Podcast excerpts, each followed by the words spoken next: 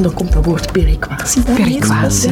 Ja, de mens die dat woord verzonnen heeft, mogen ze van mij ophangen. Hè. Dat is duidelijk genoeg. De federale regering gaat niet besparen op de ambtenarenpensioenen.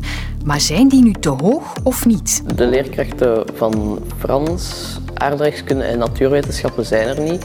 En dat zijn natuurlijk wel hoofdvakken. Welke schade ondervinden de leerlingen van het lerarentekort? Ja, een elektrische auto, dat heeft, Ja, geen, dat heeft eh, geen vitesse. dat heeft geen vitesse.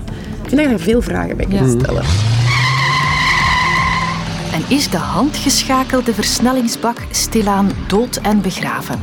Ik zet hem een versnelling hoger en dan krijgen we alle vragen zeker beantwoord in dit kwartier. Ik ben Sophie van der Donkt. Welkom.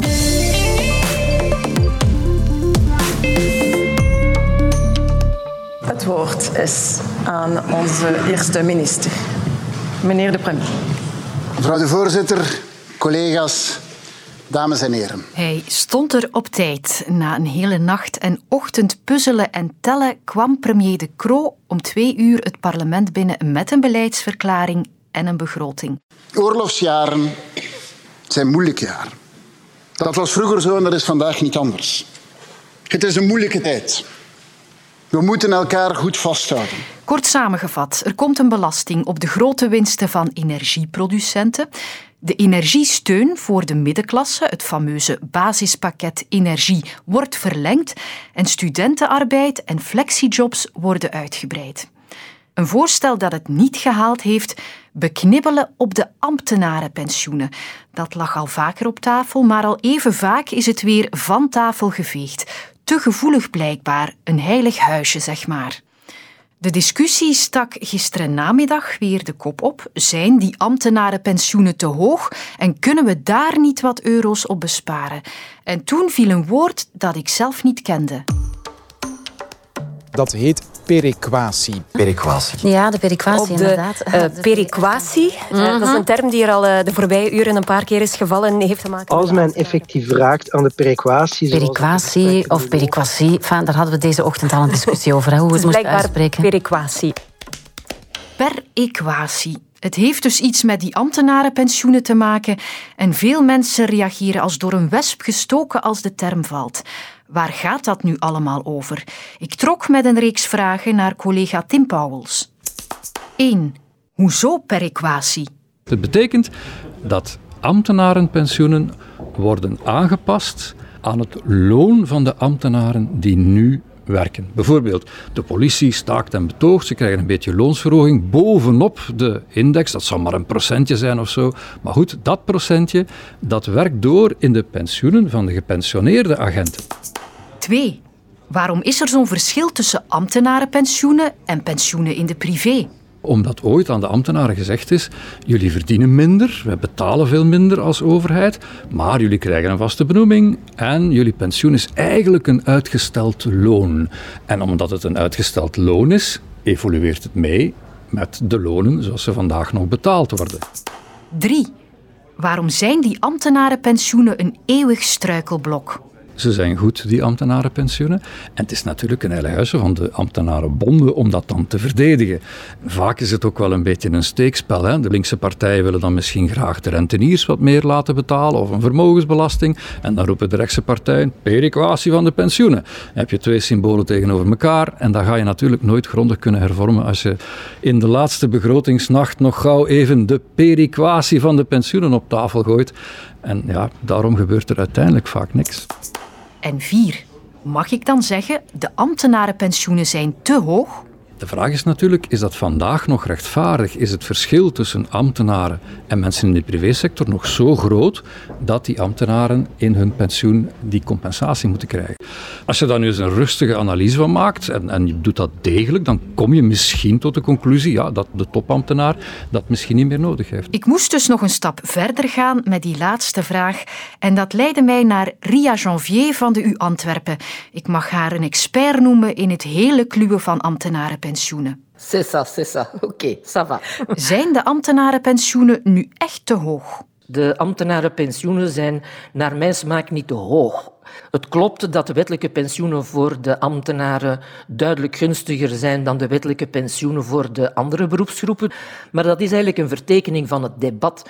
Want een ambtenaar gaat geen aanspraak kunnen maken op een aanvullend pensioen, dus een zogenaamde tweede pensioenpijler.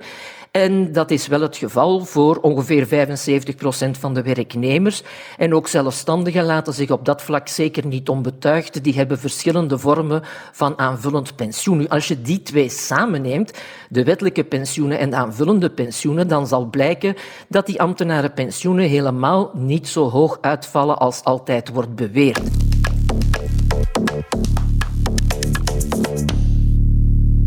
We moeten geregeld op dezelfde nagel kloppen. We zitten met een lerarentekort. Vandaag nog maar een keer in het nieuws. Het gemeenschapsonderwijs zegt dat er midden september nog altijd 900 voltijdse vacatures voor leerkrachten niet ingevuld waren.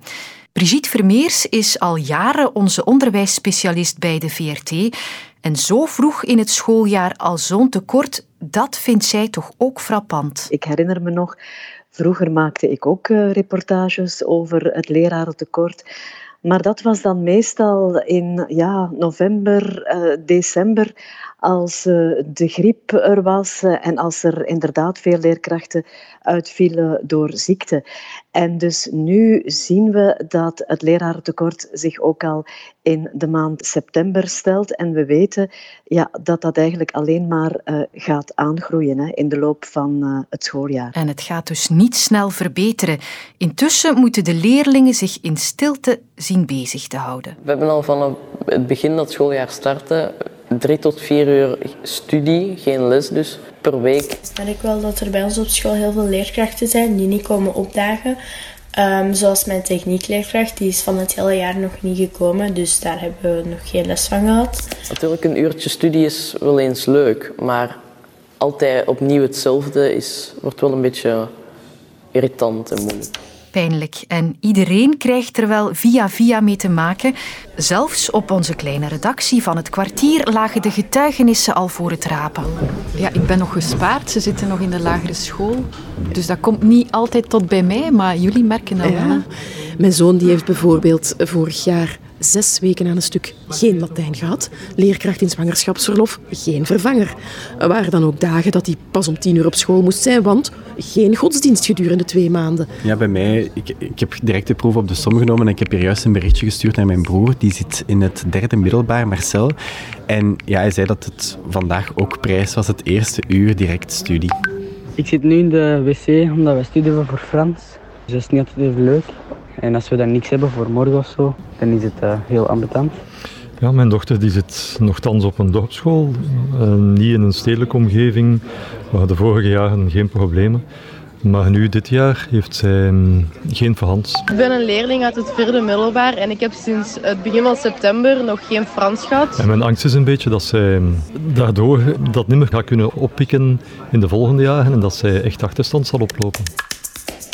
Hoe bezorgd moeten we ons nu maken over die achterstand? Ik hoor u luid en duidelijk. Ik belde daarover met Pedro de Bruikere, onderwijspedagoog aan de Artevelde Hogeschool. Ik vrees dat die bezorgdheid terecht is. De scholen proberen alles eraan te doen om dit te voorkomen.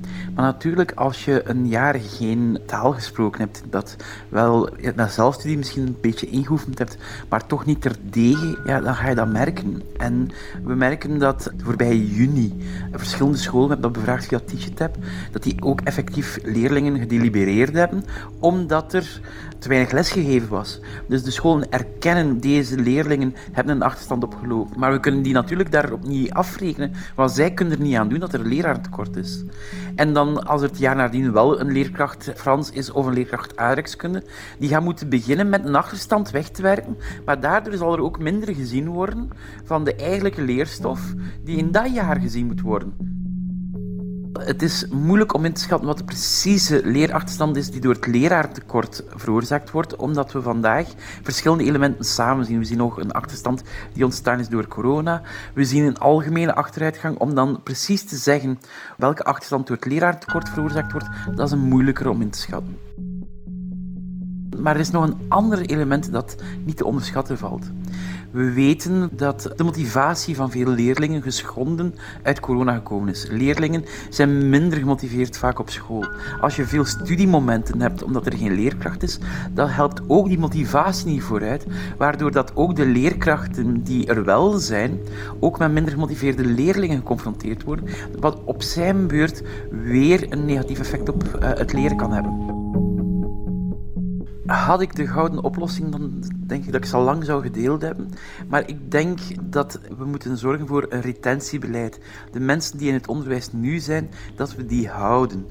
Daardoor moeten we de job van leerkracht aantrekkelijker maken. Gaan we misschien ook harde keuzes moeten maken. Uh, en op die manier wordt die job misschien aantrekkelijker, waardoor we na verloop van tijd weer meer leerkrachten uh, in het onderwijs kunnen krijgen. Uh, het zal helpen om de spiraal te doen, de negatieve spiraal waar we in zitten te keren. En, en dat is heel dringend nodig.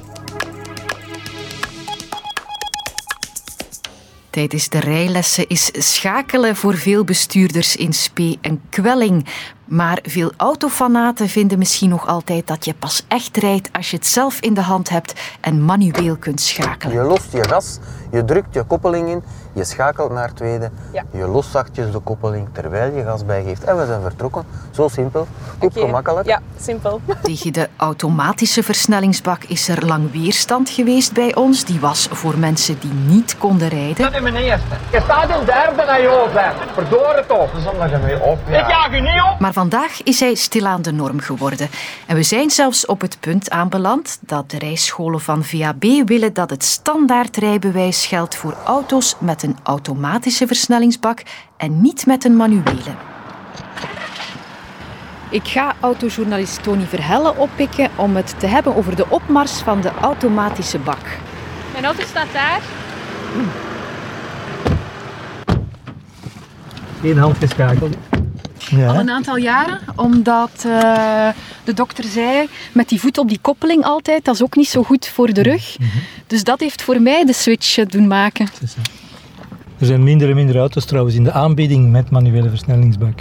Eigenlijk gaat het nog alleen om vrij basic modellen die nog een uh, versnellingsbak hebben. Zeker in de grotere modellen, maar zelfs in de kleinere worden eigenlijk manuele versnellingsbakken met een gerobotiseerde koppeling toegepast. Zoals jij hier in deze auto nu ook hebt trouwens. Ja. Hoe is dat zo gekomen? Omdat de mensen ook vroegen naar meer automatisme, eh, om allerlei redenen. Dat, dat, kunnen medische redenen zijn, dat kunnen andere redenen zijn. Ook omdat bijvoorbeeld het verkeer veranderd is. Je staat toch wel een pak meer in de file dan vroeger. En met een manuele auto in de file staan is niet altijd een pretje. Je moet voortdurend koppelen en ontkoppelen. Dus uh, mensen vinden dat veel gemakkelijker. Ja, met de elektrische auto's is het natuurlijk ook gedaan met die manuele versnellingen. Ja, inderdaad. Laten we zeggen, de kleinere elektrische auto's, of de meeste op dit ogenblik, hebben zelfs geen versnellingsbak. Bij de veel duurdere modellen kan het dat er soms een twee of drie versnellingsbak is, maar die is dan automatisch. Maar wat denkt u, wat is nog de toekomst van de manuele versnellingsbak? Ik denk dat die geen toekomst meer heeft. Ik denk dat dat langzaamaan zal verdwijnen. Gewoon omdat heel, heel veel mensen het uh, niet meer zien zitten. Ik denk dat alleen de diehards of degenen die nog, zal ik maar zeggen, de ouderen die in het leger nog leren rijden hebben met een vrachtwagen waar je nog moest dubbel ontkoppelen, dat die daar een soort van nostalgie misschien zouden kunnen naar hebben. Maar ik denk niet dat moderne uh, autobestuurders daarvan wakker liggen. Zelfs in de Formule 1 wordt ook uh, niet meer geschakeld uh, met een manuele versnellingsbak, maar is dat, ook, dat, is ook, dat is helemaal elektronisch. Uh. Ik dacht bij uitstek in sportauto's of Formule 1 auto's dat het schakelen daar wel nog zou blijven. Wel, er wordt heel veel geschakeld met knopjes of peddeltjes aan het stuur en bijna nooit meer met de, de klassieke versnellingsbak, die bestaat niet meer. Ja. Ik heb wel het gevoel dat we in België lang verknocht zijn geweest aan manuele versnellingen. Dat lijkt nu wel te keren. Hoe zit het in andere landen? Wel, België zou je, zou ik zeggen, ongeveer parallel kunnen zien met de, ons omringende landen. Het hangt er eigenlijk vanaf wat de levensduur, de gemiddelde levensduur van een auto is. In België is dat, als ik het goed voor heb, draait dat rond de 9 à 10 jaar nu. Terwijl bijvoorbeeld in Scandinavische landen heb je een gemiddelde leeftijd van de auto's van 14, 15 jaar. Dus het zou goed kunnen dat daar nog meer handgeschakelde auto's rondrijden.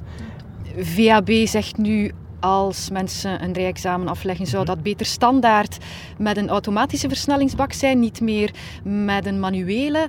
Hoe ver kan dat nog gaan? Er zijn parkeerassistenten natuurlijk ook. Gaan we op den duur die manoeuvres ook niet meer moeten doen op ons examen? die, die, laten we zeggen, parkeerassistenten en zo, zijn toch nog altijd voorzien voor de veel duurdere auto's. Dus dat zal toch nog wel een tijdje duren eer dat doorcijpelt. Maar natuurlijk, we zijn een beetje op weg.